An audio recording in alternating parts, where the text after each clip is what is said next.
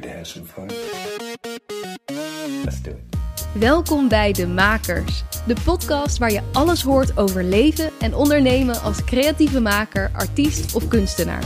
In deze shortcasts geef ik je elke werkdag een korte boost voor jouw makerschap. Sit down and begin playing. Shortcast 14. De 3 P's. De 3 P's, wie kent ze niet? Jij misschien, want je hebt op deze aflevering geklikt, maar ook welkom als je ze al wel kent. Want in deze mini-aflevering ga jij je eigen P's ontwikkelen. Of misschien wel D's of A's. Alles is mogelijk. De drie P's gaan over hoe je kunt beoordelen of je een bepaalde opdracht wel of niet aanneemt. Je kent het wel. Er komt een mailtje binnen met een grote aanvraag voor een klus. Maar eigenlijk wel wat te weinig betaald. Maar het is wel een grote, belangrijke, interessante organisatie. En de mensen zijn op zich ook wel leuk. Tja, hoe bepaal je nou of je ja of nee gaat zeggen hierop? Daar zijn dus die drie P's voor. Ze staan voor poen, pret en prestige. Het ideale is dat alle drie positief terugkomen in de opdracht. Maar je wilt er op zijn minst twee van de drie hebben. Anders is de kans op spijt na het ja zeggen toch wel vrij groot. Dus, nummer 1, poen. Wat krijg je betaald? En staat dat in verhouding met hoeveel uren werk je eraan zult hebben? Klopt dit met jouw uurprijs?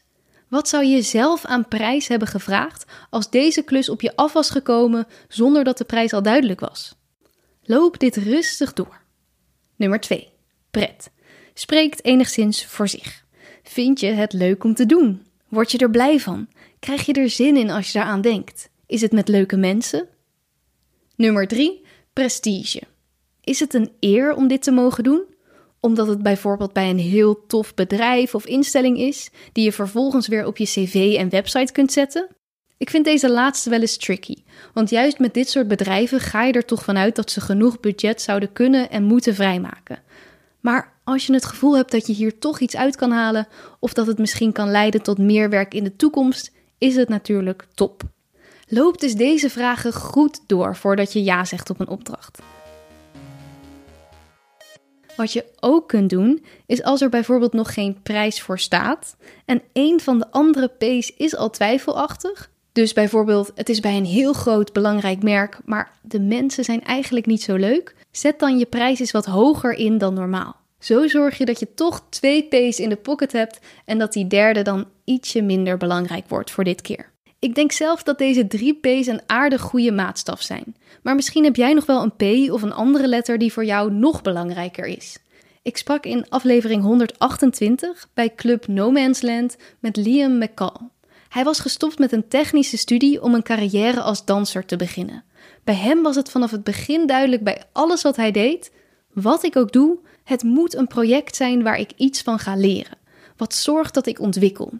De P van progress was voor hem dus het allerbelangrijkste. Ik ken ook kunstenaars die het heel belangrijk vinden om alleen te werken met bedrijven die passen bij hun principes. Denk aan werk voor een goed doel of een bedrijf dat bezig is met duurzaamheid. Dat is voor hen een doorslaggevende factor om iets wel of niet aan te nemen.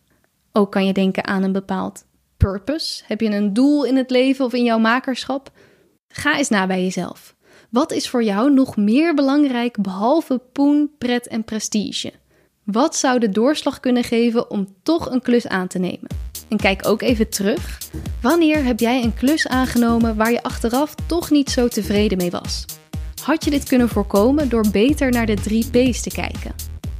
Dus, opdracht voor vandaag: vind jouw eigen P's. Heel veel maakplezier en tot de volgende keer. Vond je dit een interessante of leuke aflevering? Heb je er iets aan gehad? Volg of abonneer je dan op de makers in de podcast-apps.